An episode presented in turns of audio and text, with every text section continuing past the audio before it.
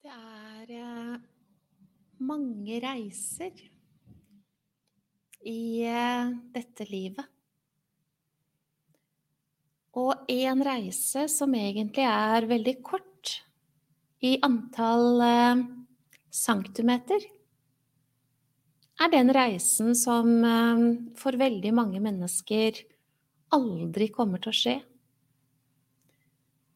Det er den reisen som eh, for veldig mange mennesker tar lengst tid.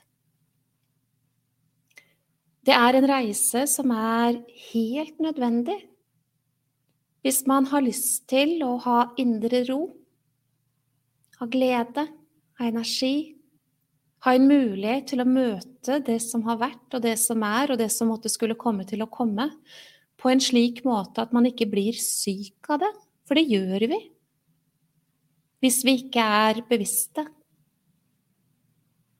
Det er en helt nødvendig reise for helse.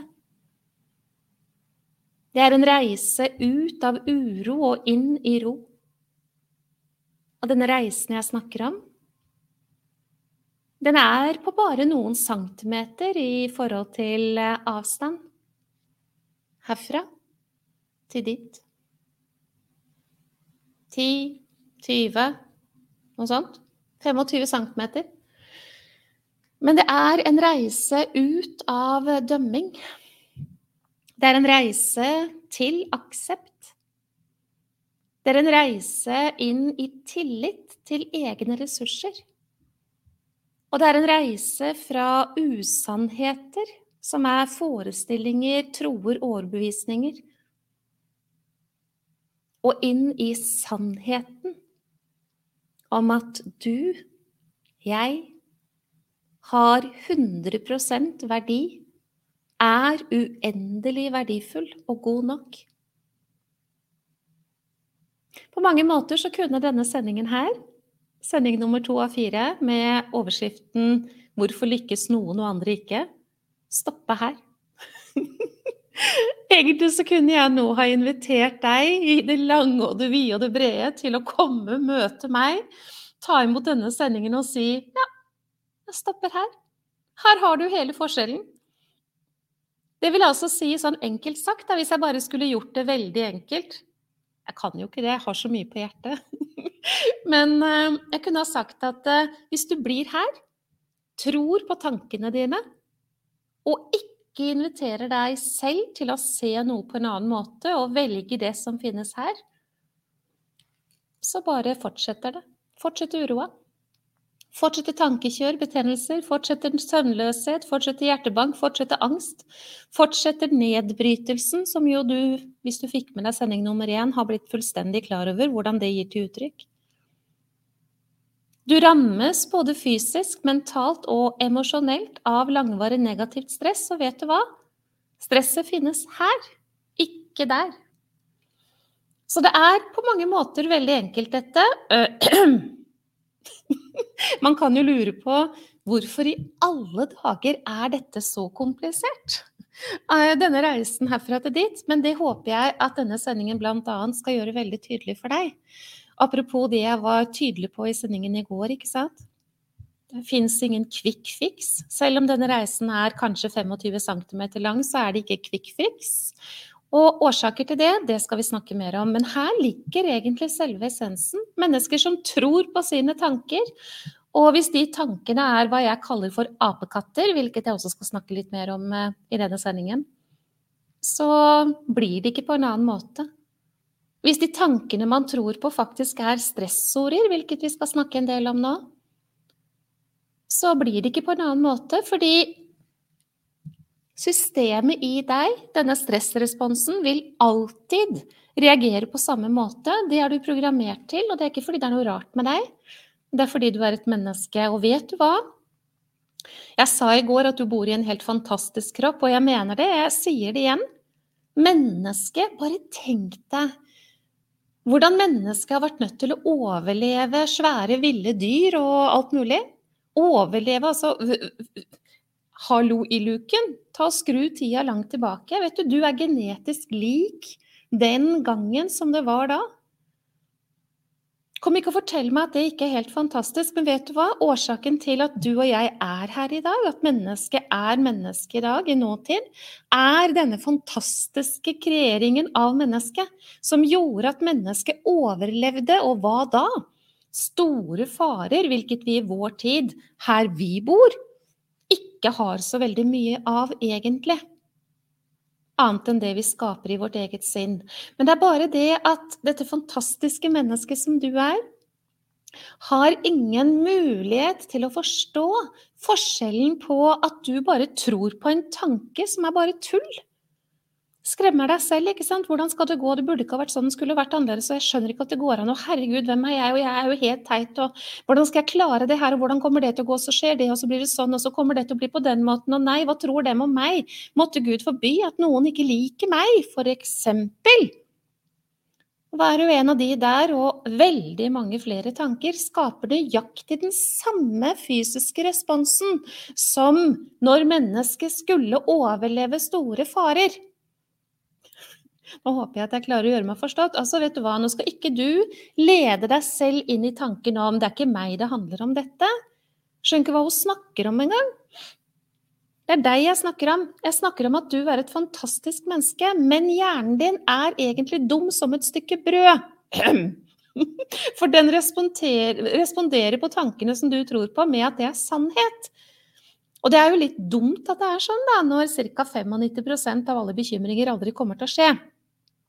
Men hver eneste av bekymringen du tror på, setter i gang den samme fysiske responsen, hvilket vi skal dypdykke i hva faktisk er også i denne sendingen. Det der går ikke.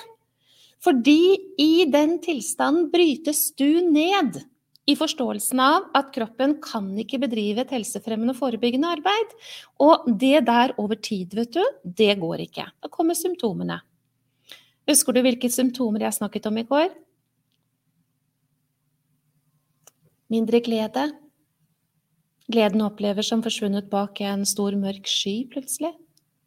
Lite energi. Stadig sliten, er ikke restituert for en ny dag. Sover dårlig. Smerter, ganske typisk så starter de smertene i nakke og skuldre. Ikke alltid, men ganske typisk er det sånn. Og så fortsetter det til rygg og til hofter og til knær og i det hele tatt. Denne kniven jeg snakket om på egne vegne innunder skulderbladet, den er det mange som har sagt til meg du Monica, den kjenner jeg igjen. Ja, vet du hva det var for noe? Den kniven der som satt der inn under skulderbladet mitt, og jeg var helt sikker på at jeg klarte ikke å leve med den, rett og slett. Jeg sa det òg, som jeg nevnte det i går. Den kommer til å ta livet av meg. Det var mangel på egenomsorg. Det var egentlig mangel på den reisen her. Det var mangel på tilgivelse, det var mangel på aksept. Det var mangel på å slutte fred, det var mangel på å møte sorg og føre det til veis ende med aksept. Og det var definitivt, som jeg nevnte det aller først, mangel på å være glad i meg selv. Du må ikke tro at det går upåaktet hen. Det å ikke være glad i seg selv, vet du hva, det i seg selv er kilden til svært mye nedbrytelse, fordi det er det denne langvarige negative stresset faktisk gjør med menneske. Hver dag så gjør jeg det som jeg gjorde nå i starten av denne sendingen. Jeg gjør det stort sett flere ganger hver eneste dag. Jeg starter som oftest dagen sånn også. Venstre hånd på brystbenet, høyre over. Og så stiller jeg meg selv et spørsmål. Har jeg tatt den største plassen i hjertet? Og hvis jeg nå skulle bekrefte at jeg har den største plassen i mitt eget hjerte, hvilke valg tar jeg i dag da? Hvis jeg nå skulle velge at denne dagen skal være styrt av hva jeg har i hjertet mitt og ikke i hodet mitt, hva er det jeg nå driver og styrer med som jeg trenger å by aksept på? Husker jeg på at jeg har ressurser? Velger jeg å ha tillit til at uansett hva det er som skulle komme til å komme, så kan jeg håndtere det. Sånn driver jeg hver dag. mm. Og det er eh, veldig lurt å la det få lov til å være en guiding, fordi når man er der, i den type tankevirksomhet, så er det ikke noe stress. Det er noe helt annet. Kroppen responderer på det, sinnet responderer på det, og emosjonene responderer på det. Vi skal se nærmere på dette. Overskriften på sendingen er jo, som du har fått med deg, 'Hvorfor lykkes noen og andre ikke?' Og jeg kunne ha sagt at ok, nå skal jeg bare si én ting til, og så slutter jeg av i kveld, så kan jeg gå hjem og kose meg og ikke bruke tid med deg. jeg kunne ha sagt at uh, de gjør ikke noe med årsaken. De som ikke lykkes, de gjør ingenting med årsaken. De løper rundt i behandlingsapparatet. altså Da snakker jeg nå og Nå snakker ikke jeg om behovet for cellegift, da. Nå må vi holde tunga rett i munnen og hodet rett på plass. Jeg snakker om de symptomene som er ganske typiske i forhold til langvarig negativt stress. Angst, depresjon kan jeg snakke om, ja absolutt, det våger jeg å gjøre. Veldig mye annet. Jeg nevnte det der i fleng i sendingen i går. Hvorfor kommer noen seg ut av det og andre ikke? Nei, de gjør ikke noe med årsaken. Hva er årsaken? Det er langvarig negativt stress. Ja, men hvordan blir det det, da? Jo, det er troer, overbevisninger og forestillinger som gjør det. Mennesker som løper og skal reparere dette utenfor seg selv, altså sånn som jeg gjorde det i mange år. Jeg starta jo med fysikalsk behandling da jeg var tolv, ikke sant, og så gikk jeg jo hele runden. Manuell terapi og kiropraktor, og jeg hadde sånn derre jeg husker ikke hva den Jo, trykkbølgemaskin på den der inn under skulderbladet mitt. Hjalp ikke det. Knuste et eller annet vev. Hjalp jo ingenting, det. Hvorfor ikke? Nei, for det hadde ikke noe med det å gjøre. Hva var det som gjorde at musklene sto i spenn og ga smerte? Men det var jo hvordan jeg hadde det med meg selv, og hvordan jeg hadde det med livet mitt. Hva det var jeg valgte å bruke min energi på, hva jeg trodde var som var viktig. Og ikke minst så trodde jeg på tankene mine. Så når jeg ikke kunne bli frisk, kvitt symptomer, tolv år gammel etter tolv fysikalske behandlinger, så var det jo bare fordi ingen spurte Monica hvordan har du det egentlig? Hva er det du går og tenker på? Hva er du redd for? Hvordan snakker du med deg selv? Hvordan er det egentlig mellom deg og deg, Monica? Hva er det du tenker på? Hva er det du er opptatt av? Hva er du lei deg for? Hva er det du syns er vanskelig? Det var ingen som spurte om det. Og det er vel ganske typisk, tror jeg.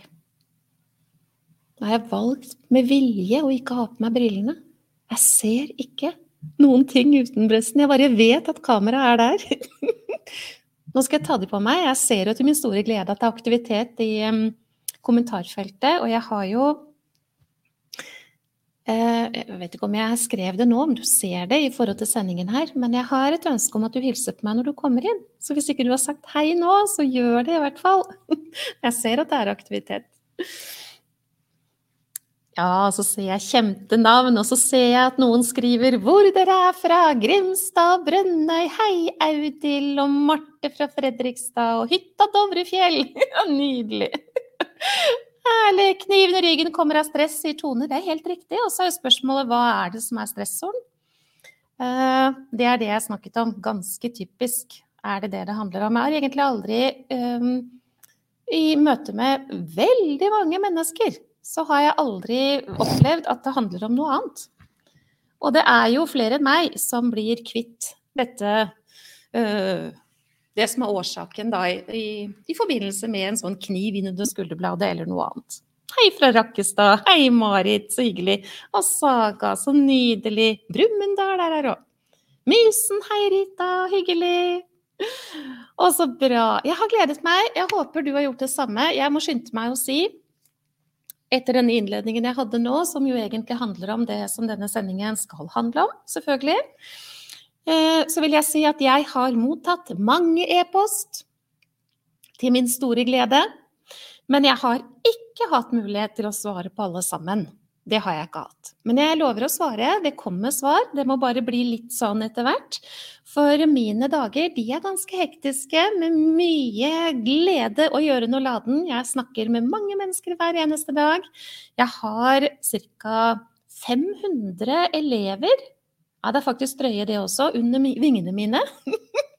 som jeg går og, og, passer på eh, og hjelper i, på deres vei fra å være et sted de ikke ønsker å være, til et annet sted.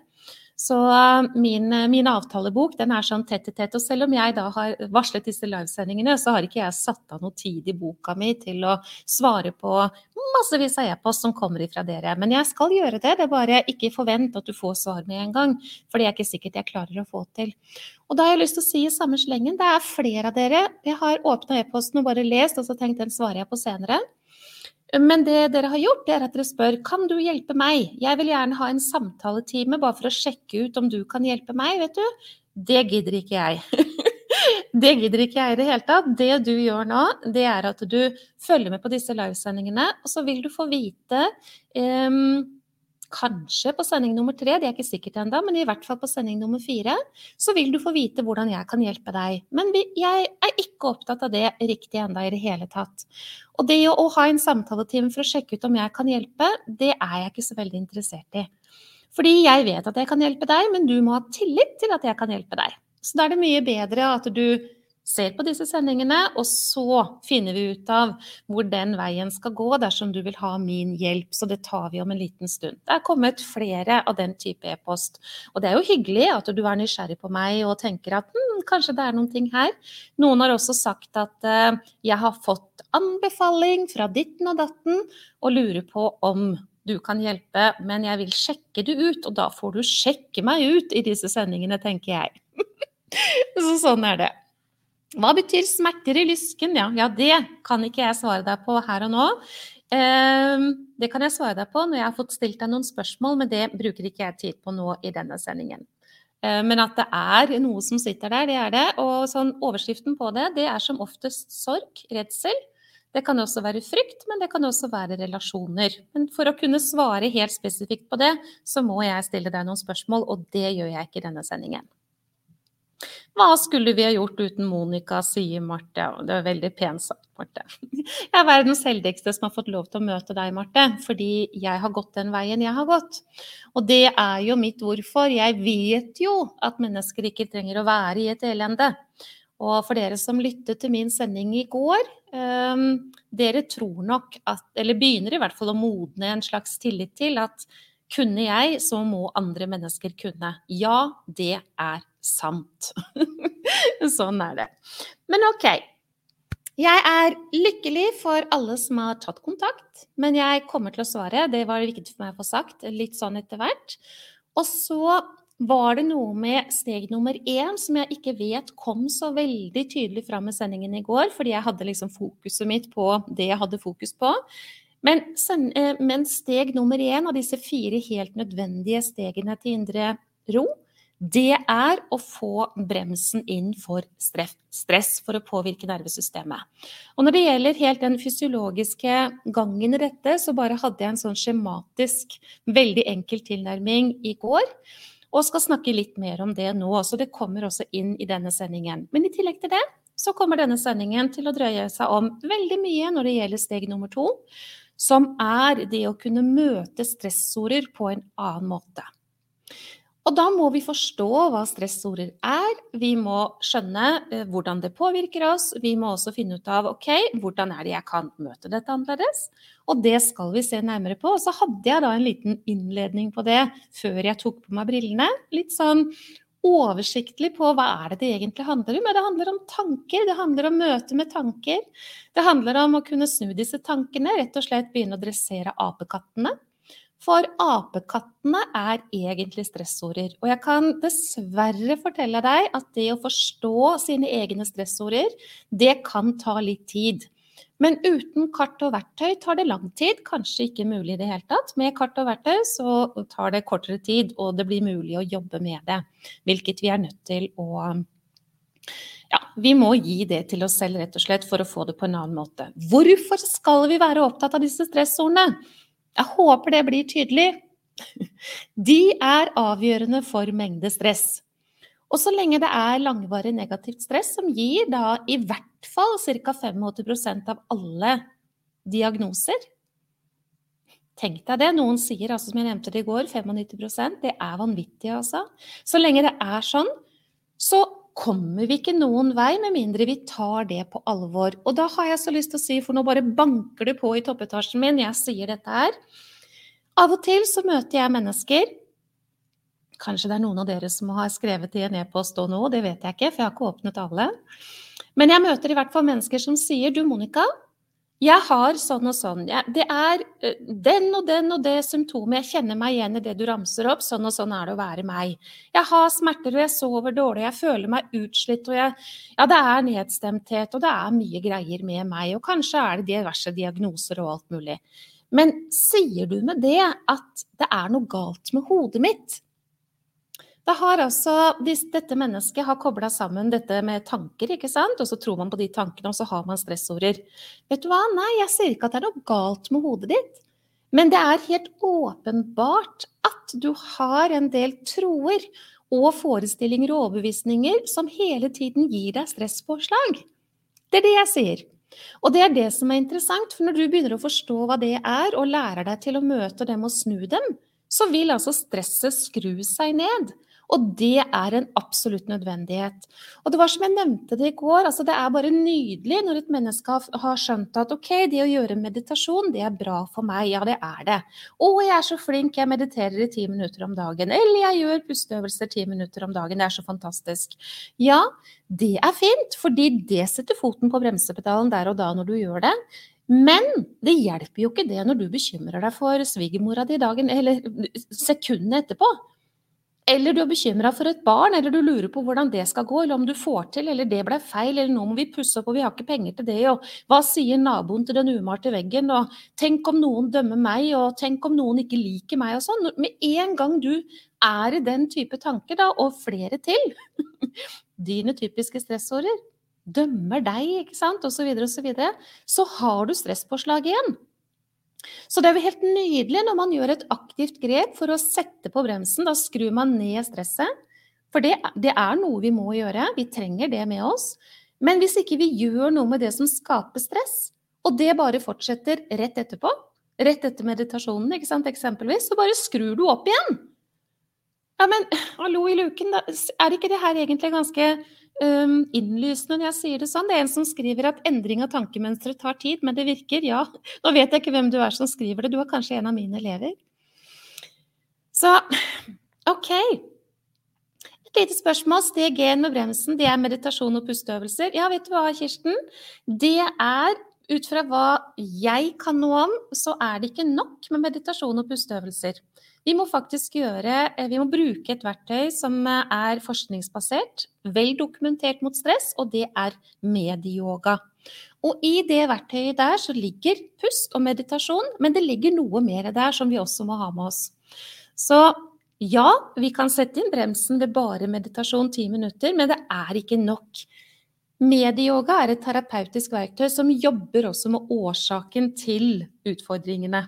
Hvilket jeg sikkert kommer til å snakke mer om antageligvis i sending nummer fire. Så OK. vi kan gjøre fantastiske grep for å sette, inn, eh, sette, foten på bremsen, og det er vi nødt til å gjøre. Vi er helt nødt til det. Og jeg har lyst til å si en ting, Kirsten, når du først spør nå.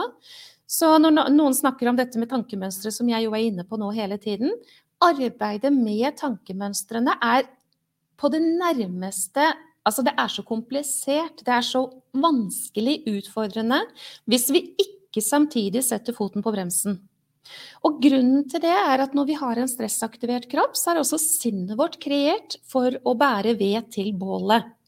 Så tankene våre blir flere av stressordene når vi har stressaktivitet. Fordi da er det det kroppen er innstilt på. Så når vi ønsker å jobbe med stressordene våre, ønsker å skape en endring i tankemønstrene, så blir det en mye mer krevende oppgave, med mindre vi faktisk setter foten på bremsen og muliggjør at sinnet vårt blir roligere og mer behagelig å være sammen med, og kan forandres på. Så derfor trenger vi også begge deler. Nå fikk jeg sagt det. Herlig. Det er altså tanker, og det vi trenger å vite da, blant annet, det er at vi har et veldig aktivt sinn. Mange av dere vet hvor mange tanker sinnet vårt driver og produserer hver eneste dag. Altså, nå snakker jeg om eh, det mennesket som ikke har bedrevet f.eks. medieyoga over mange, mange år. Selv har jeg holdt på med det en stund. Jeg vet at det er en av de tingene som gjorde at jeg kom på et annet sted. Jeg hadde ikke klart det uten, det er jeg sikker på. Så jeg er ikke representativ for det som disse lærde sier lenger, fordi jeg har ikke like mange tanker lenger. Men uh, ca. et sted mellom 65 og 85 000 tanker er hva som er vanlig at mennesker får servert i sinnet hver eneste dag. Et sted mellom der. Noen mener at det er 65, andre sier 70, 75. 85, noen høyere. Nei, ingen mener noe høyere enn det. Så det er vanvittig mye. Og hvor er det disse tankene kommer ifra? Jo, de kommer ifra vårt ubevisste sinn. Og hva er vårt ubevisste sinn? Jo, det er hele vår historie. Det er sånn, og dette trenger vi å lære oss å forstå, at sinnet vårt, det er Det ubevisste sinnet vårt er lagringsplass for alt det som vi har erfart. Og det er mye mer enn det vi tror at vi har erfart. Grunnen til det, det er at sansene våre har tatt imot inntrykk så lenge vi har hatt et hjerte som slår. Og det skjer jo gang, en gang i svangerskapet. Helt fra den gangen har sansene våre tatt imot inntrykk. Og kapasiteten til mennesket når det gjelder sanseinntrykk, det er syv pluss minus to sanseinntrykk brøkdel av et sekund. Og da bare vil jeg at du skal fordøye det bitte litt. Så skal jeg ta meg en liten slurk av teen min her.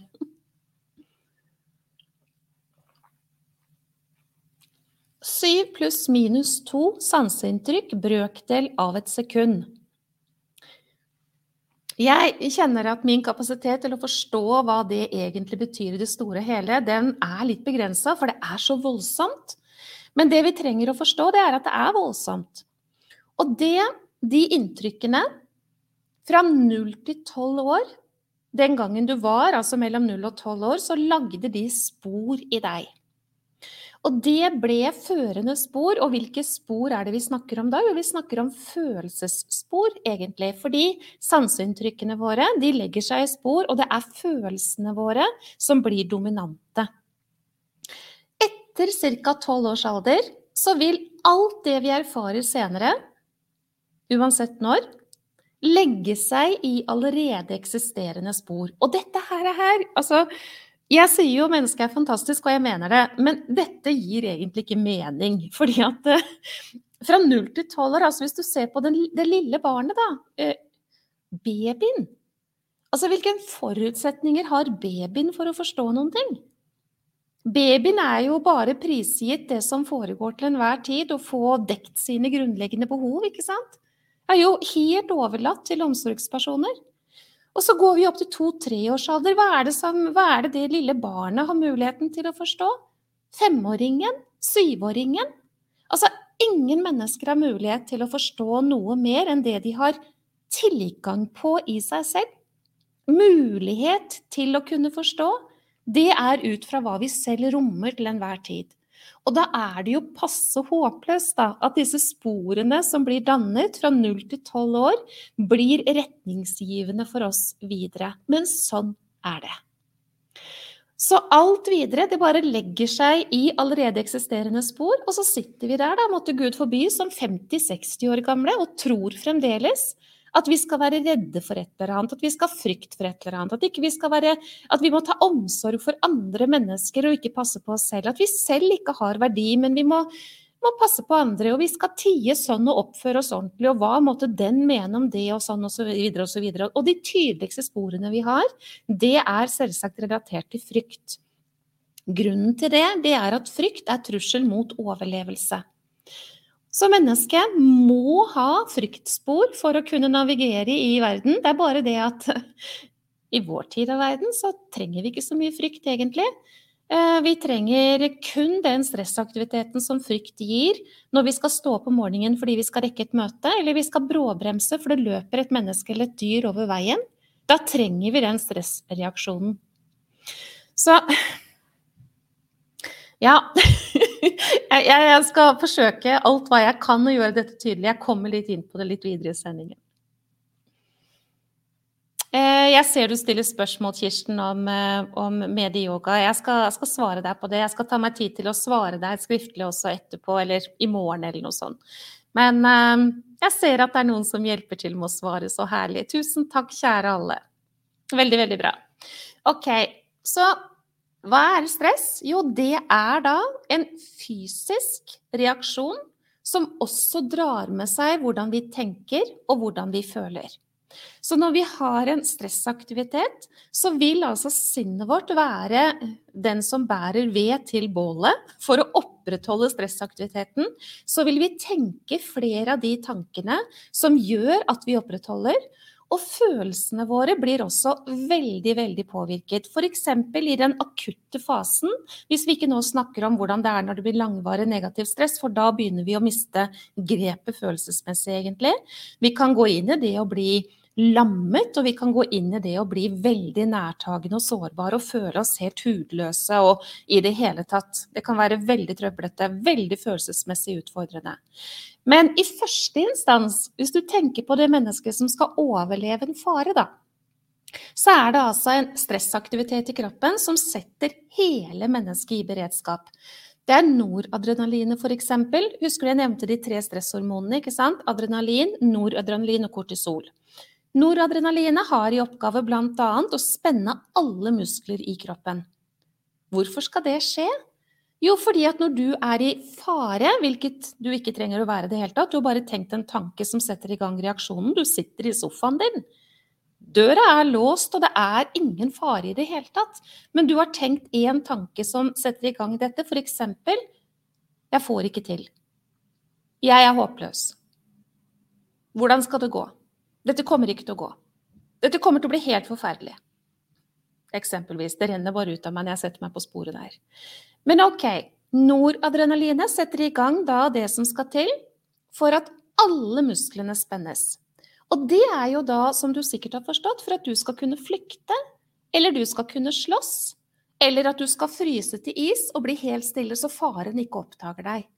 Er ikke det fantastisk? Er, altså, er du ikke enig med meg at det er helt fantastisk? Tenk om du skulle befinne deg til skogs, ikke sant, og så kommer bjørnen. Å, Gud! Der kommer bjørnen! Da er du nødt til å bli satt i beredskap på en slik måte at du kan overleve bjørnen. Men det er som jeg sier, og vær så snill å få det med deg, det holder med én tanke som skaper reaksjonen. Eksempel, hun liker ikke meg. Ok, Så noradrenalinet setter i gang denne anspenthet i muskulaturen. Det skjer også en omfordeling av blodvolumet. Hvor fantastisk er ikke det, da?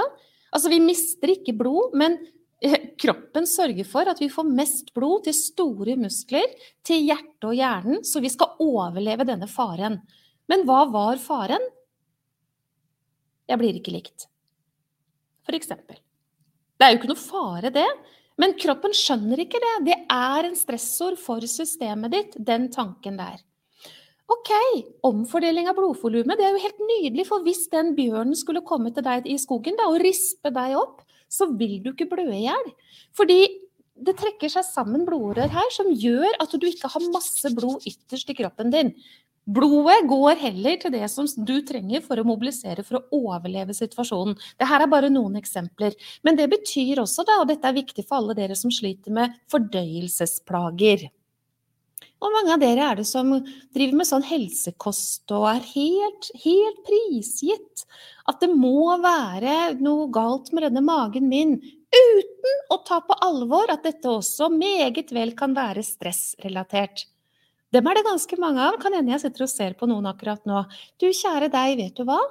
I den omfordelingen av blodvolumet, hva gjør kroppen? Jo, den tar bort effektivt blodvolum fra tarmen og sender det til muskler, til hjerte og hjerne istedenfor.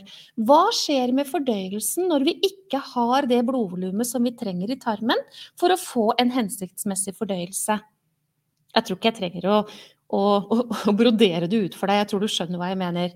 Altså, Tarmen vår er helt avhengig av tilstrekkelig med blod, oksygenrikt blod, for å kunne gjøre jobben sin. Og det som skjer da, når, når man har dette stresset gående, hvilket veldig mange mennesker har 24-7 i vår tid, altså, for det har en tendens til å henge seg opp også, jeg skal si litt mer om det etterpå, da vil jo ikke denne fordøyelsen kunne fungere, da. Nei, den vil ikke det. Hvordan skal den kunne gjøre det? Kroppen er ikke villig til å la den fordøyelsen din være prioritet. Fordi du, du trenger ikke den for å overleve.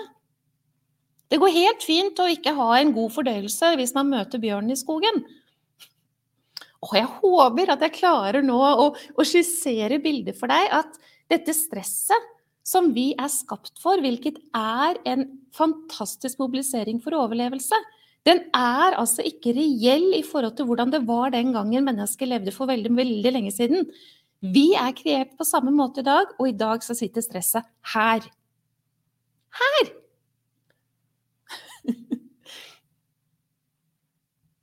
Tålte nesten ingen matvarer når jeg stresset som mest, og etter årevis med medieyoga er det noe helt annet. Helt riktig. Nydelig at du deler. Tusen takk. Det beviser og det bekrefter, og du er en av veldig mange. Men det finnes drøssevis av mennesker som går rundt og er hellige og overbevist om at det må være fordøyelsen min, og sånn og sånn, og du løper rundt. ja da. Um, mm.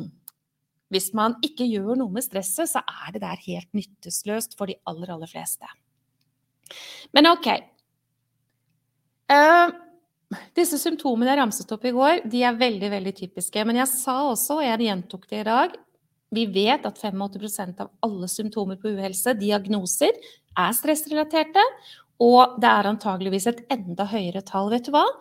Du har ingenting å frykte, du. Mer enn stresset. Og da må du lære deg det som jeg driver og formidler til deg, og så må du være villig til å gjøre noe med det. For hvis ikke, så er alt det andre du holder på med, det er egentlig ikke Det, det gir ikke den effekten som du egentlig ønsker deg totalt sett. For her ligger fienden. Og jeg vil på det varmeste anbefale deg at du går inn og leser om hva disse tre stresshormonene faktisk gjør, fordi absolutt alt i deg blir påvirka. Jeg kan nevne en ting til. Eh, hvor mange av dere, har jeg lyst til å spørre, nå er dere 83 inne her akkurat nå. Kan du, som jeg sitter og snakker med nå, kan du kjenne deg igjen i nedsatt hukommelse, konsentrasjon? Kan ikke du bare svare raskt i kommentarfeltet? Kjenner du deg igjen i det? Du bør ikke gjøre til kjenne hvor mye eller sånn, men bare kan du kjenne deg igjen i at du har kjennskap til nedsatt hukommelse og eller konsentrasjon? Ja, ja, yes, yes, yes. ja, ja, ja. Kom igjen, svar på, så alle kan se at du er Ingen her som er alene. Hei, Eva, jeg ser at du her er.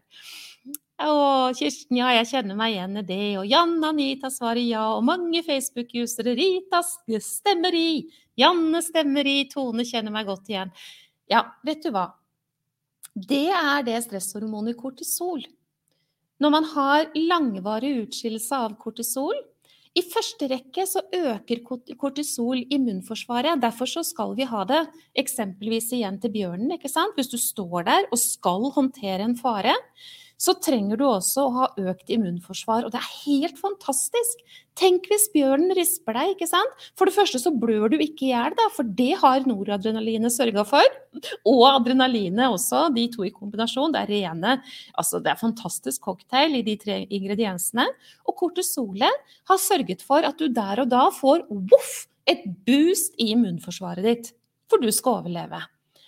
Men langvarig utskillelse av kortisol brenner faktisk ut områder i hjernen. Og der har du hovedårsaken til at vi driver og snakker om utbrenthet. Og det syns i hjernen. Det påvirker spesifikt sentrene for hukommelse og konsentrasjon. Så jeg vet ikke om du kjenner deg igjen i det eller har hørt det på noe vis, men for noen år tilbake så gikk jo halve Norge rundt og, og flåsa litt ikke sant, om denne Alzheimer light. Ja, ja, jeg har fått denne Alzheimer light, jeg vet du. Jeg husker jo ikke lenger, og det er vanskelig å konsentrere seg. Ja, ja, jeg kjenner meg igjen i det, jeg òg, sa alle andre. Og så var det liksom helt greit, det. Men det er et symptom det er et symptom på langvarig utskillelse av stresshormoner, og her har du da spesifikt hva kortisolet gjør over tid. Og inntil ganske ny tid, kjære deg, så trodde man ikke at man kunne reparere hjernen. Men i ny tid, nå, så vet vi at det kan vi gjøre, men da må vi faktisk gjøre noen ting. Vi må sette foten på bremsepedalen, og vi er nødt til å få gjort noe med disse stressordene. For når vi gjør det, så begynner hjernen å bli reparert. Hvor mange av dere som er her inne nå Var verre før medieyoga, er det en som skriver. Ja. Hvor mange av dere er det som kan kjenne seg igjen i at ok, jeg har faktisk gjort noen grep, jeg følger kursene til Monica, jeg har erfart nå at uh, hukommelse og konsentrasjon, ja, det er på en annen måte. jeg er helt sikker på at det er mange som kan si seg enig i det. Hvis jeg skal bruke meg selv som et eksempel her, så var jo jeg når jeg, før jeg ble sykemeldt og ikke kunne gå på jobb lenger, fikk denne totale kollapsen som jeg fortalte deg om i forrige sending, så hadde jeg en lang periode hvor jeg var sykepleieren med gule lapper. Jeg hadde en sånn liten notisbok, og jeg hadde en blokk med gule lapper. Og jeg skrev og skrev og skrev, for jeg merket jo at jeg husker ikke. Og jeg var jo livredd for å gjøre feil, ikke sant. Jeg hadde jo ansvaret for meget syke pasienter. Og dette med å gi de morfin og andre preparater, det kunne gått riktig galt. Og det var jeg jo livredd for. Så jeg skrev ned og skrev ned og skrev ned for å være sikker på at det ikke glapp for meg i det hele tatt. Og heldigvis så opplevde jeg ikke noen store ting. Ehm, men eh, ja, var helt, det var helt på ville veier, dette med hukommelse og konsentrasjon. Eh, I dag Spør meg hvordan jeg har det i dag. jeg ehm, husker. Og jeg kan konsentrere meg. Og jeg sitter jo her og kan sitte timevis og prate med deg og dele kunnskap med deg. Fordi jeg, det å konsentrere seg og huske, det er et ikke-problem for meg lenger. Så ja, vitenskapen sier at vi bryter hjernen vår ned med langvarig negativt stress. Det er sånn. Men når vi gjør de rette grep, så vil altså hjernen bedrive et helsefremmende arbeid igjen. Så vi kommer tilbake igjen dit hvor det er på en annen måte. Har blitt mye bedre, leser jeg her nå. Blitt bedre etter medieyoga, men glemmer fortsatt. Ja, bare fortsett. Og så tenker jeg det at ikke la dette med å glemme bli en stress for deg. Ta heller og bestem deg for hvordan du skal huske bedre. At du kanskje skal godta at du bruker litt sånn notater og hjelper deg selv til å ikke ha noe stress rundt det. For det kommer på plass etter hvert. Det har blitt mindre etter ett år, ja. Tenk deg hvor mange år man har brukt på å bryte det ned, da. Det er ganske mange år for de aller fleste av oss. Så det er helt nydelig. Men OK. Hva er det da? Hva tenker du når jeg sier dette her? Hvorfor, hvorfor kom jeg ut av smerter? Hvorfor ville angsten slippe taket for meg? Hvorfor kom jeg meg ut av det som var en ganske dyp depresjon? Ganske er et feil ord. Den varte og den rakk. Det var ikke noe fint sted å være. Hvordan kunne jeg komme meg ut av søvnutfordringer? Jeg fikk eh, kroniske diagnoser. Jeg fikk fibromyalgidiagnosen også. Jeg har ingen mulighet for å få den diagnosen i dag. Noen vil ha det til at ja, eh, da er du vel frisk, vet du. Jeg sier ikke, jeg bruker ikke syk frisk, jeg bruker heller har fravær av symptomer. Jeg er ganske sikker på at jeg vet hva jeg skal gjøre for at disse symptomene skal komme tilbake. Men jeg har dem ikke. Og dette med lavt stoffskifte, som jeg nevnte for deg i forrige sending, det har jeg heller ikke. Jeg har ingenting av dette. Hva, hva, er det, hva er det eh, som skal til? Hvordan kom jeg meg ut av dette?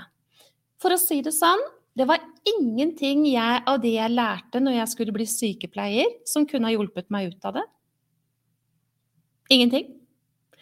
Det var heller ingenting av det jeg lærte når jeg studerte psykologi. Nå har ikke jeg noe hovedfag i psykologi, jeg har grunnfag og mellomfag. Etter det så, så tenkte jeg nå er det nok for mitt vedkommende her. Uh, apropos det jeg snakket om i går. Det var ingenting av det jeg lærte da på de årene der, uh, som kunne ha hjulpet meg ut av den tilstanden. Så flere år med studier til sammen kunne ikke hjelpe meg ut av den tilstanden. Så hva var det som skulle til? Sa det egentlig i stad. Jeg måtte gjøre noe med årsaken, og det var ingenting av det jeg lærte når jeg skulle bli sykepleier som kunne gjøre noe med den årsaken, og det var heller ingenting av det jeg lærte den gangen i forhold til å studere psykologi. Jeg sier ikke at det gjelder i dag, det vet jeg ingenting om, men i alle fall den gangen jeg leste, så nei. Det var ingenting av det jeg kunne bruke for å komme meg ut av det. Fordi det er et helhetlig perspektiv. Vi må forstå noen ting, vi må skjønne hvordan ting henger sammen, rett og slett. Og så må vi begynne å bruke et effektivt verktøy for å hjelpe kroppen og sinnet og følelsene våre på rett vei. Og uten at vi tar den jobben, så hadde det ikke skjedd. Men jeg har lyst til å si litt mer. Hvorfor er det sånn at når en situasjon skjer, så er det f.eks. ett menneske som reagerer kraftfullt negativt. Blir så sinna og urolig og vreker ut av seg at dette var da helt forferdelig osv. osv. Og så er det et annet menneske som knapt nok reagerer. Hvorfor er det sånn? Hvorfor er det sånn at et menneske er livredd for å bli avslørt som ikke god nok, og et annet menneske kunne ikke bry seg mindre om det blir likt eller ikke? Hvorfor er det sånn? Hvorfor er det sånn at noen mennesker ikke kan nøye seg med å gjøre 80% men må ha 100% hele tiden? For hvis ikke så får de ikke ro. Når, når, det finnes mennesker som gjør 80% og sier ja, men det holder, det er nok. Det klarer seg med det. Hvorfor er det sånn? Har du tenkt på det? Har du ikke, så tenk på det nå.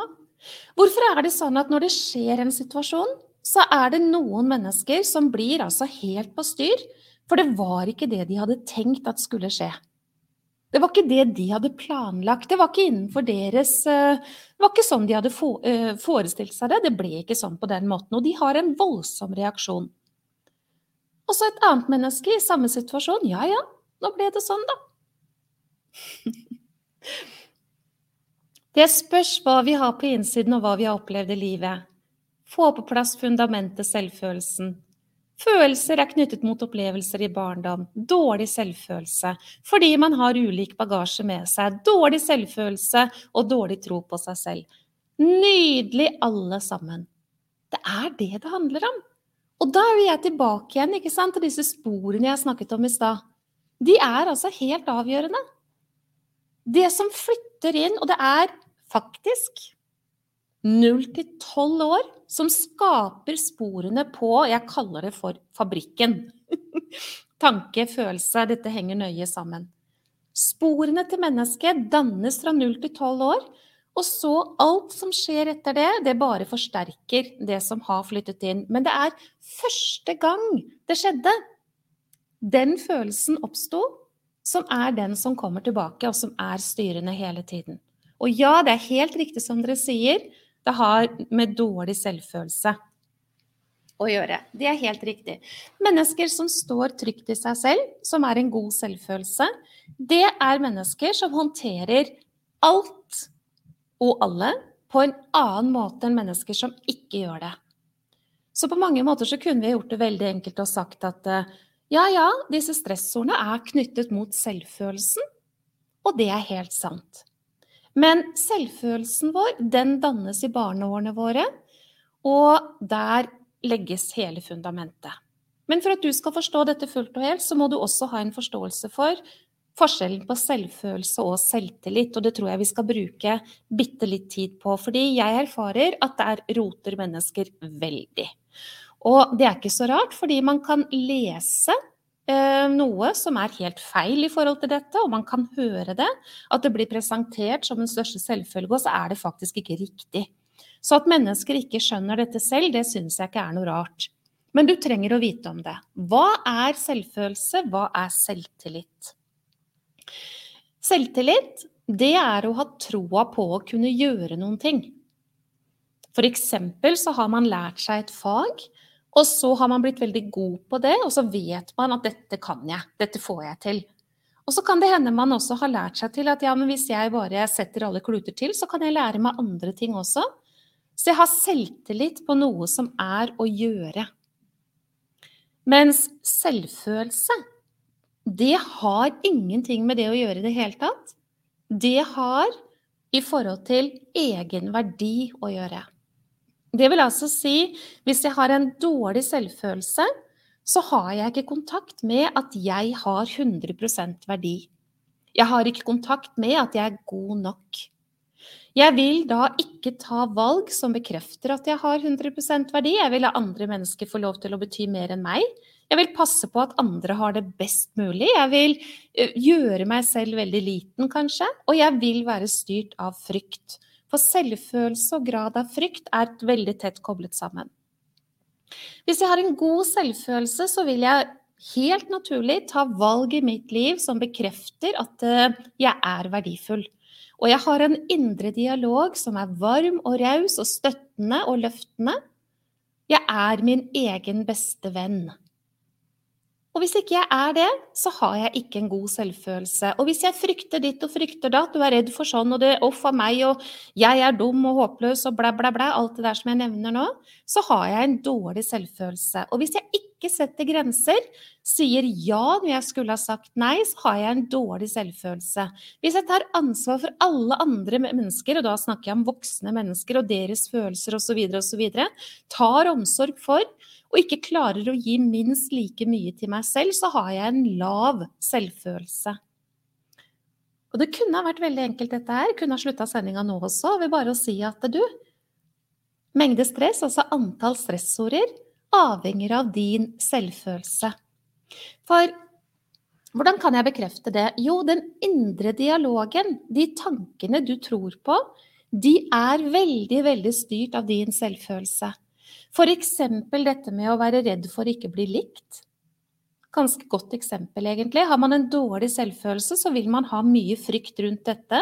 Og man vil tilpasse seg, og man vil strekke seg i alle retninger, og det er ikke måte på hva man holder på med. Det ligger en frykt i bunnen. Det betyr at man har mye stress rundt dette. Har man en god selvfølelse, kunne ikke bry meg om du liker meg eller ikke.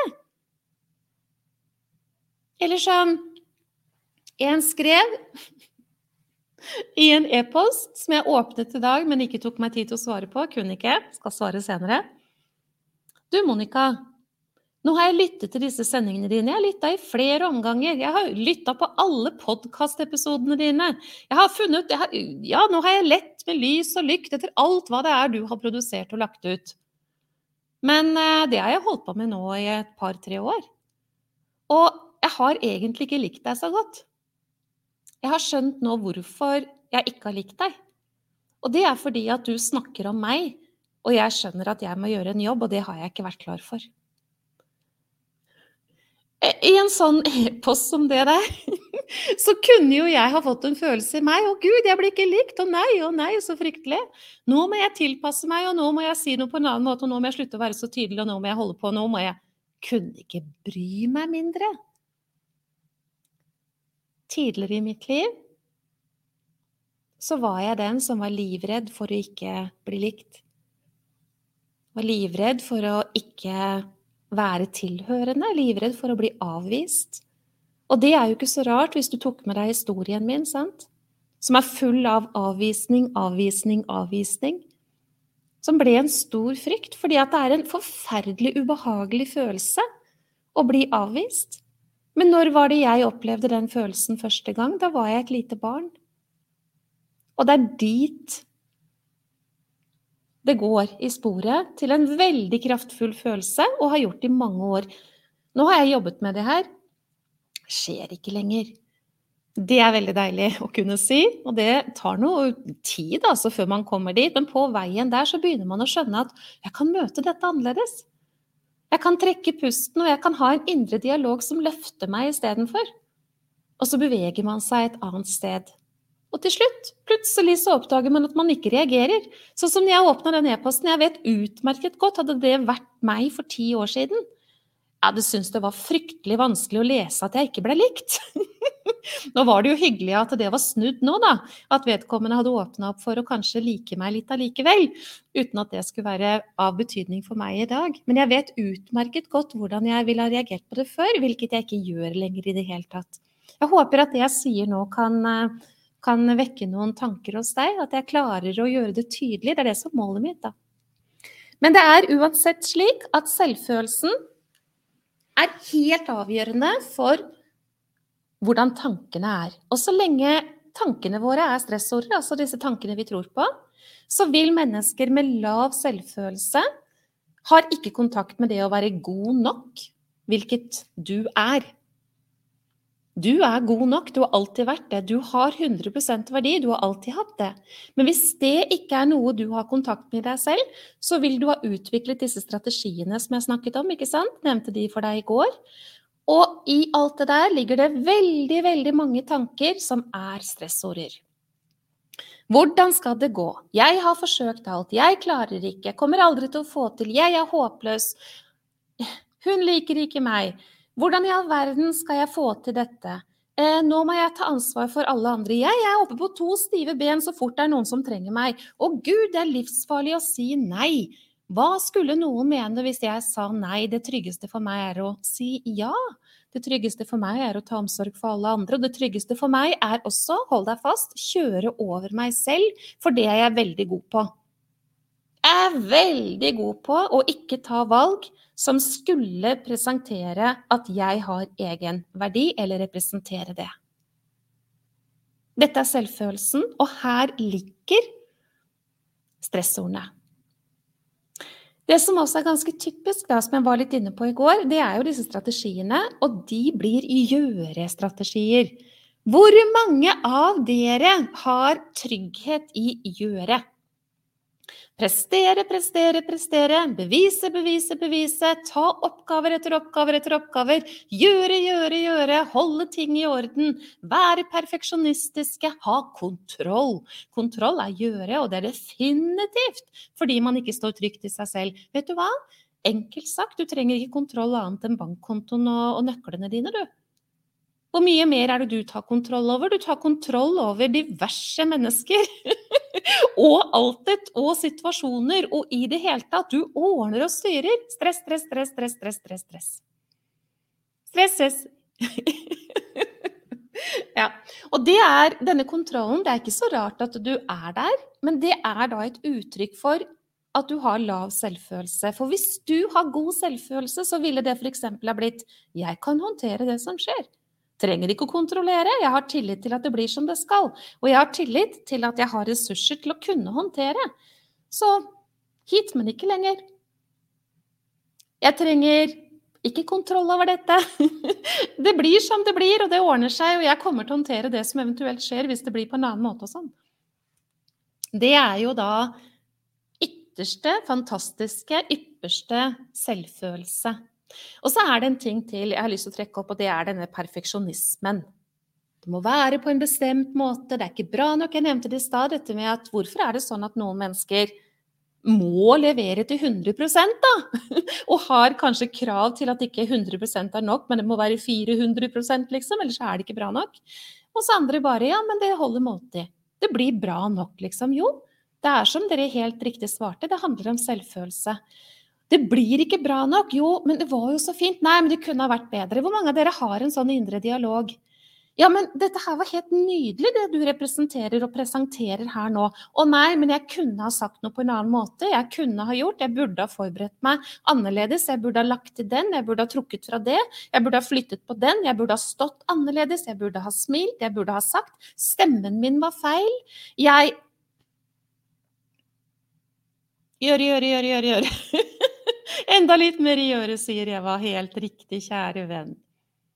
Ja, gjøre har jeg forstått at jeg har brukt som en flukt. Det er helt riktig. Og det er jo nydelig. ikke sant? Når kroppen er i stressberedskap, så har man jo frys, flukt eller slåss, ikke sant? Så man flukter inn i gjøret. Hvor mange av dere har tenkt f.eks.: Å, nå er det helg. I kveld skal vi slappe av, skal vi kose oss. Kanskje vi skal lage noe god mat, og kanskje det er noe vi har lyst til å se på på TV. Jeg vet ikke, litt sånn A4-standard. Og så setter man seg ned, og så har man ikke ro. Det er tanker oppi her, det er hva som skjedde tidligere, det er hva som kommer til å skje. Hjertet løper løpsk, man føler seg anspent kanskje, kanskje har man hodepine fordi muskulaturen er anspent og sånn. Ganske typisk. Og så reiser man seg opp, for man orker ikke å sitte i det, og så begynner man å rydde på kjøkkenet istedenfor. For eksempel. Eller skifte på senga. Eller lager enda litt mer mat. Eller 'Å, det er ikke måte på. Nå skal jeg bare hente det. Nå skal jeg bare gjøre det.' Og så skal jeg bare Skal bare? Hvor mange kjenner seg igjen i det her? Det er ganske typisk. Jeg er sikker på det er mange som kunne si 'Å ja, det holder jeg jo på med'. Ja, vet du hva du gjør da? Da er du i stressberedskapen, og så driver du og opprettholder den. Fordi det er en så ubehagelig følelse for deg. Du orker ikke å sitte i den følelsen. Og du har dine strategier. Du går inn i gjøret, akkurat som en sa her. Dette er flukt. Huset må være ryddig før jeg kan sette meg. Ja, den er klassisk. Og der, der kjenner jeg meg veldig godt igjen. Gud hjelpe meg! Der var jeg også. Hadde du sett huset mitt i dag, jeg burde ha vist dere bilder, altså. Da hadde du ikke trodd at der kan jeg bo, holdt jeg på å si. Det kan hende du hadde trodd. Men hvis du hadde sett eh, forskjellen på før og nå, så hadde du begynt å lure er det virkelig mulig. Jeg kan slappe helt av i fullstendig kaos i dag. Eh, sånn i det ytre sett. Tidligere kunne jeg ikke det. Jeg var både sur og tverr og vanskelig også, fordi jeg syntes det ble så mye på meg. Hvorfor kunne de andre slippe taket? Jeg måtte jo gjøre. Hvem eide problemet? Jo, det var meg. Jeg sa jeg skal bare i mange år, er det en som skriver. Ja, det er veldig typisk. Hvis du lytter til andre mennesker også, kanskje spesielt damer, i hvert fall i flertallet det, så sier de 'jeg skal bare, jeg skal bare, jeg skal bare'. Det er blitt en, sånn, en strategi, et mønster, og så skjønner man ikke hva man holder på med. Hjernen eh, oppfatter dette virkelig altså. Det er stress, stress, stress, stress, stress. stress, stress. Så hva skal vi gjøre, da?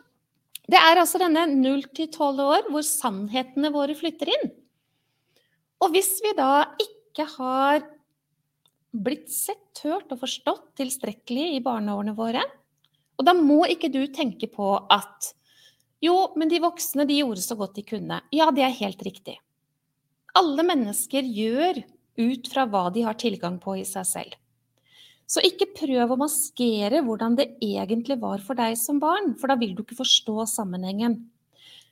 Hvis dette barnet ut fra sine behov ikke ble tilstrekkelig sett, hørt og forstått, så skjer det noen ting.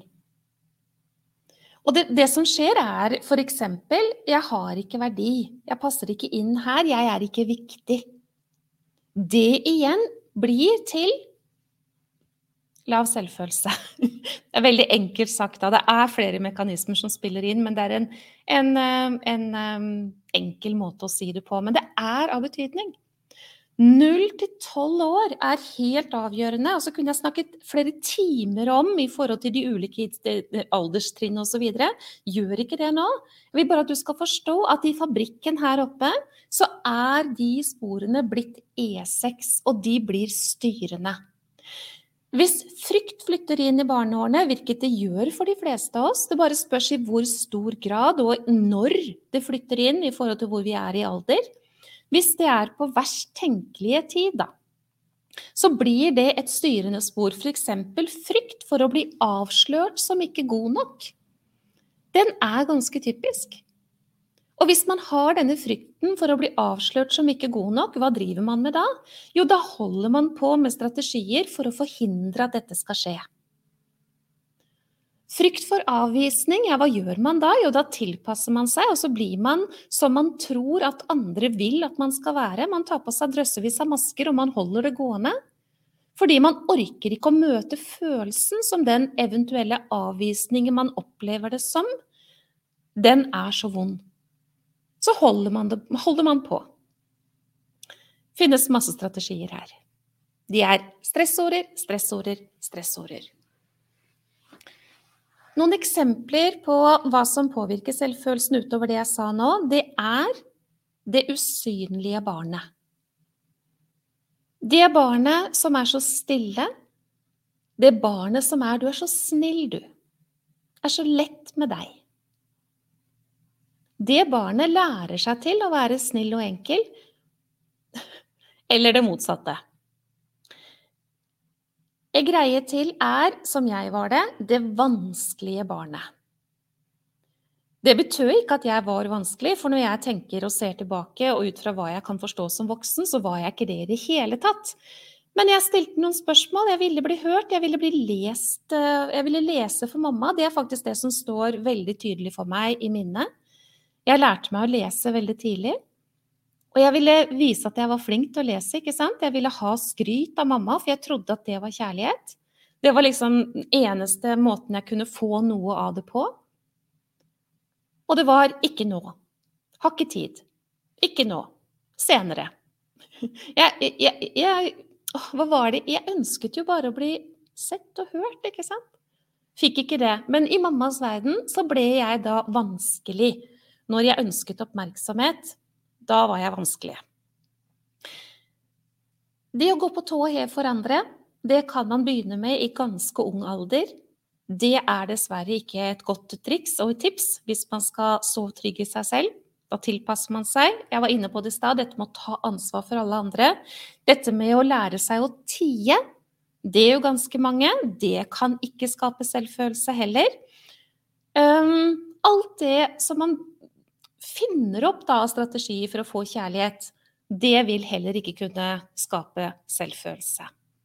Og i vår tid så er det dessverre en sannhet i at de aller, aller fleste som vokser opp i dag, og har gjort det de siste, de siste tiårene, ja, egentlig lenger enn det også, har ikke fått denne selvfølelsen på plass. Hvis du går 50-60 år tilbake og ser på hvordan samfunnet var da, så ble ikke barna sett, hørt og forstått da heller.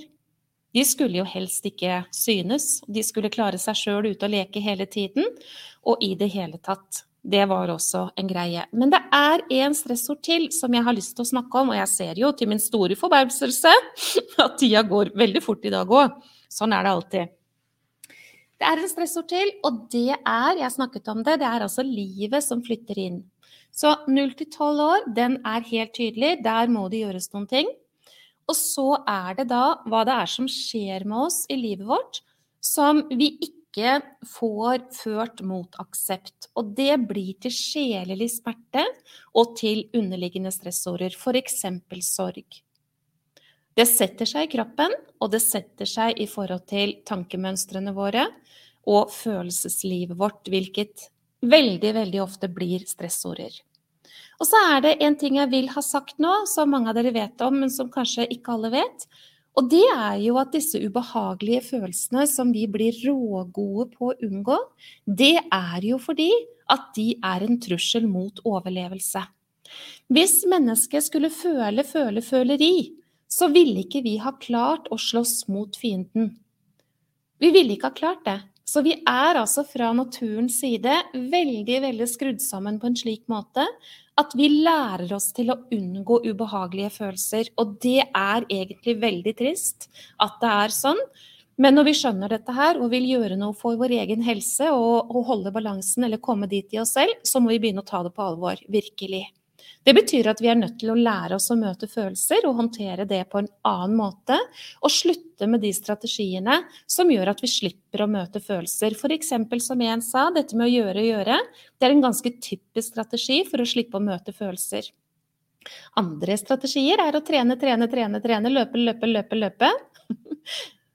ja, eh, det er eh, mange som har slitt ut joggeskoa sine i dårlige ekteskap, eksempelvis. Masse følelser der. Ut og løpe, løpe, løpe. Få adrenalinrush osv. Og, og slippe å kjenne på, for det er jo det man gjør. Spise, spise, spise, spise, eller ikke spise. Kontrollere den type aktivitet. Ikke kontrollere i forhold til å overspise. Døyve følelser. Alkohol og andre rusmidler er ganske typisk. For vi orker ikke vonde følelser. Vi er rett og slett, mange av oss, veldig dårlig trent på å møte det. Og det kan også hende at vi har lært oss til at store gutter gråter ikke. Vi kan også ha opplevd i barndommen vår at vi hadde omsorgspersoner som ikke klarte å håndtere når vi var lei oss. Så de prøvde alle mulige strategier for å få oss til å bli glade igjen. F.eks.: Kom, nå går vi og koser oss litt. Eller nå må du ta deg sammen, nå har du grått nok. Dette er sånne typiske overføringer, og flere enn det, men jeg bare nevner nå. Og det setter seg i oss, det blir dype spor, og vi lærer oss til å unngå følelsene våre. Og hvis vi holder på med det der, så kan du være helt sikker på at vi har underliggende stressorder som driver og trigger til stress hele tiden uten at vi er klar over det. Og det kan vi ikke. Vi er nødt til å komme dette til livs. Så vil jeg bare si noe om dette med stressaktiviteten. Jeg håper at jeg klarer å gjøre meg forstått. Det er i hvert fall målet mitt. Jeg bruker å sammenligne mennesket som en bil, for jeg syns at det er en god metafor. Jeg skal bare ta det nå før jeg avslutter sendinga, og så fortsetter jeg igjen på onsdag når vi ses igjen da. Hvis mennesket er som en bil, så tenker du gassen og bremsen i bilen. Gjør det nå. Og det er egentlig den delen av nervesystemet som er aktivisert når vi har stress. Det vil si gasspedalen. Der har du føttene dine på når kroppen er i beredskap for overlevelse, altså stressaktiviteten.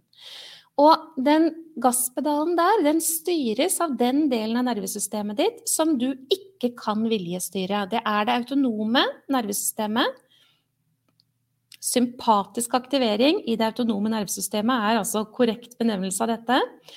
Og det er altså ikke viljestyrt. Så det vil si én tanke, poff, der går gassen i bånn.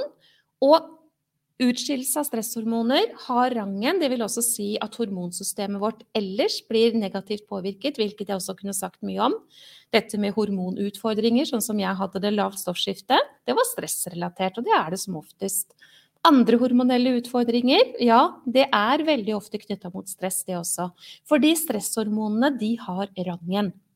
Når føttene går på gasspedalen, så er det overlevelse det handler om, og ikke den aktiviteten som skjer når eventuelt bremsepedalen kunne vært satt inn. Hvilket er altså et helsefremmende og forebyggende arbeid. Og når du tenker på det der, altså hvis et menneske går med føttene på gasspedalen over lang tid, er det da så vanskelig å forstå at symptomer kommer? Det må komme.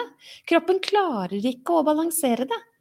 Den vil bare være, altså i all hovedsak, innstilt på å overleve. Og der er det stresshormoner. Og i verste fall så skjer dette også på nattestid. Det er det mange som vet og har kjent. Kanskje ikke har skjønt. Men ganske typisk er at man blir ikke restituert etter en natt.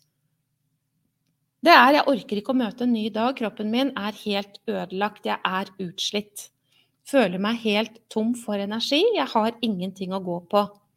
Det er ganske typisk. Og det er et signal, et symptom. Egentlig så skal jo vi lære oss til å forstå disse symptomene, ikke sant? For da kan vi håndtere det på en annen måte. Så i de verste tilfeller ved langvarig negativt stress, så har det på mange måter blitt en, et fjell på gasspedalen. Du sitter altså i sofakroken eller i andre helt trygge omgivelser eh, i situasjoner i livet ditt hvor det egentlig bare kunne vært brems, men det skjer ikke.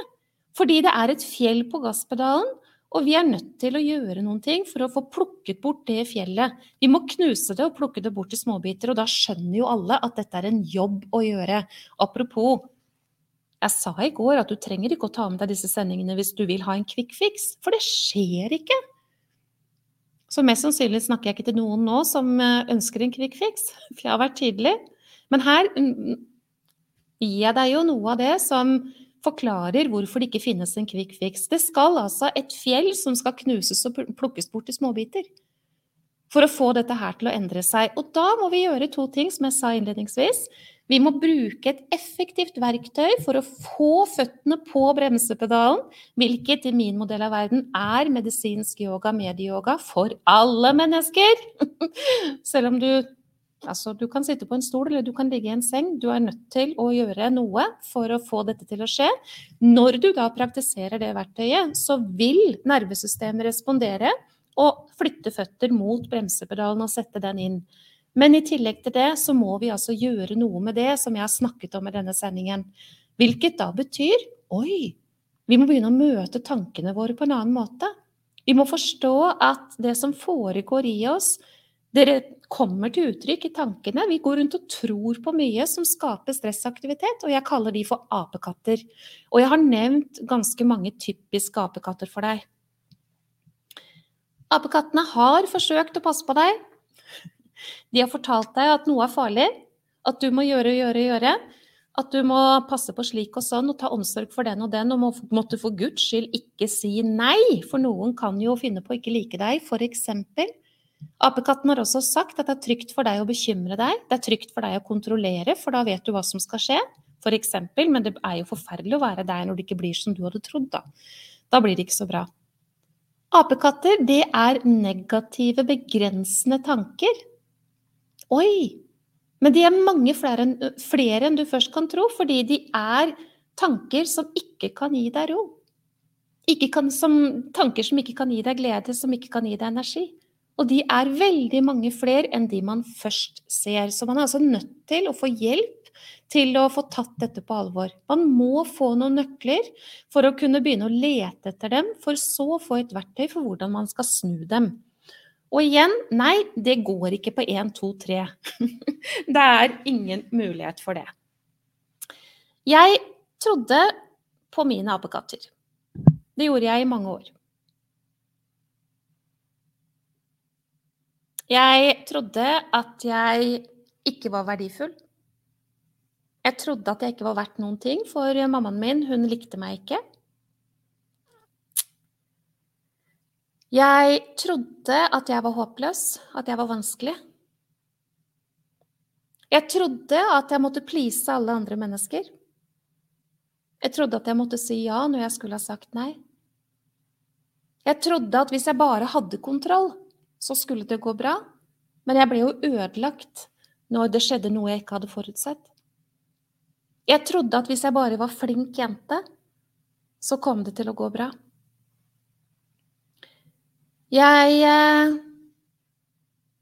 var veldig slem med meg selv i forhold til min indre dialog. Og jeg måtte snu på alt det her, da. Jeg måtte forstå hva det var det handlet om, og så måtte jeg lære meg til å snu på det. Og så måtte jeg begynne å trene på å møte følelsene mine. Og det var det å søke kunnskap som kilde til forståelse og innsikt, og til å bruke et verktøy som hjalp meg til å også kunne jobbe mentalt. Det var når jeg tok meg selv på alvor. Det var når jeg skjønte at egentid var noe jeg var nødt til å prioritere.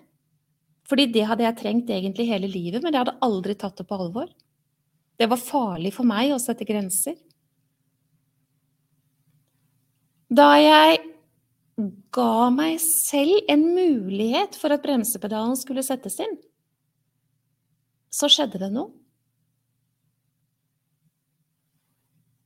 Det skjedde veldig mye. Jeg kom meg ut av det elendet jeg var i. Og etter tre år etter kollapsen, ca. tre år etterpå Det er egentlig ikke helt sant. Det var tett opp mot tre år. Så forsto jeg at eh, det som hadde skjedd med meg, og det jeg hadde fått til, det jeg erfarte i meg selv, det måtte jeg bruke for å hjelpe andre mennesker. Så jeg kunne ikke gå tilbake i jobben min som sykepleier og nøyaktig tre år etter at jeg lå i senga, i februar 2013, så startet jeg den næringen jeg driver. Og det er nå snart ti år siden. Og jeg har fått lov å hjelpe mange mennesker! og jeg klarer ikke å la være å fortsette å fortelle. Fordi det er altså slik at man kan få det på en annen måte. Og hadde alle fortalt hva det er som har skjedd med de, så ville ingen ha våget å tenke tanken 'det gjelder ikke meg'. Og så er det jo noe med det, da. Nå er det ti år siden jeg startet opp næringen. Jeg hadde ingen penger.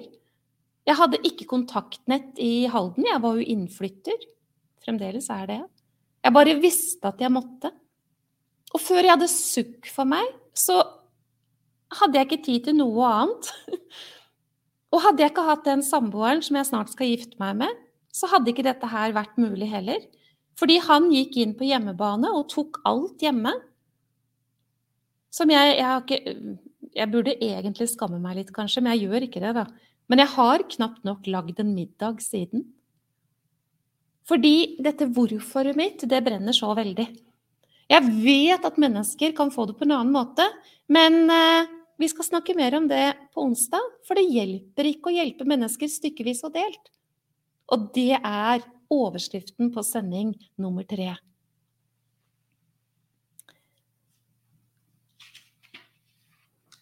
Jeg har bare lyst til å si til slutt, kan ikke du ta oss og lese janteloven? Kan ikke du google den nå før du møter meg til onsdag? Og så vil jeg at du skal ta med deg en tanke. Ingenting av det som står i janteloven, er sant. For du er god nok. Og du har absolutt noe å komme med. Du er helt fantastisk.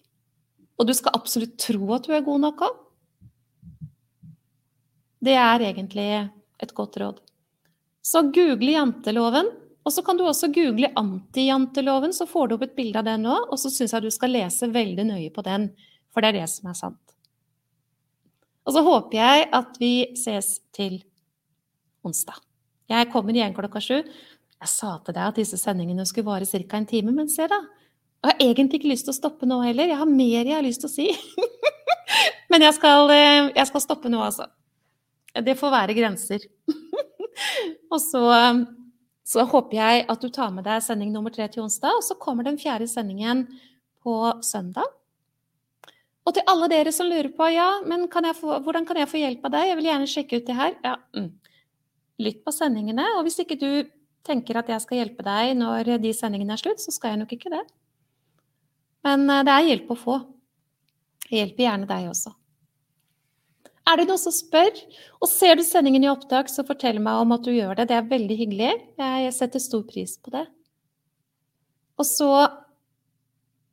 google antijanteloven og janteloven, vær så snill. Ta det med deg, og så ses vi til onsdag. Ha det!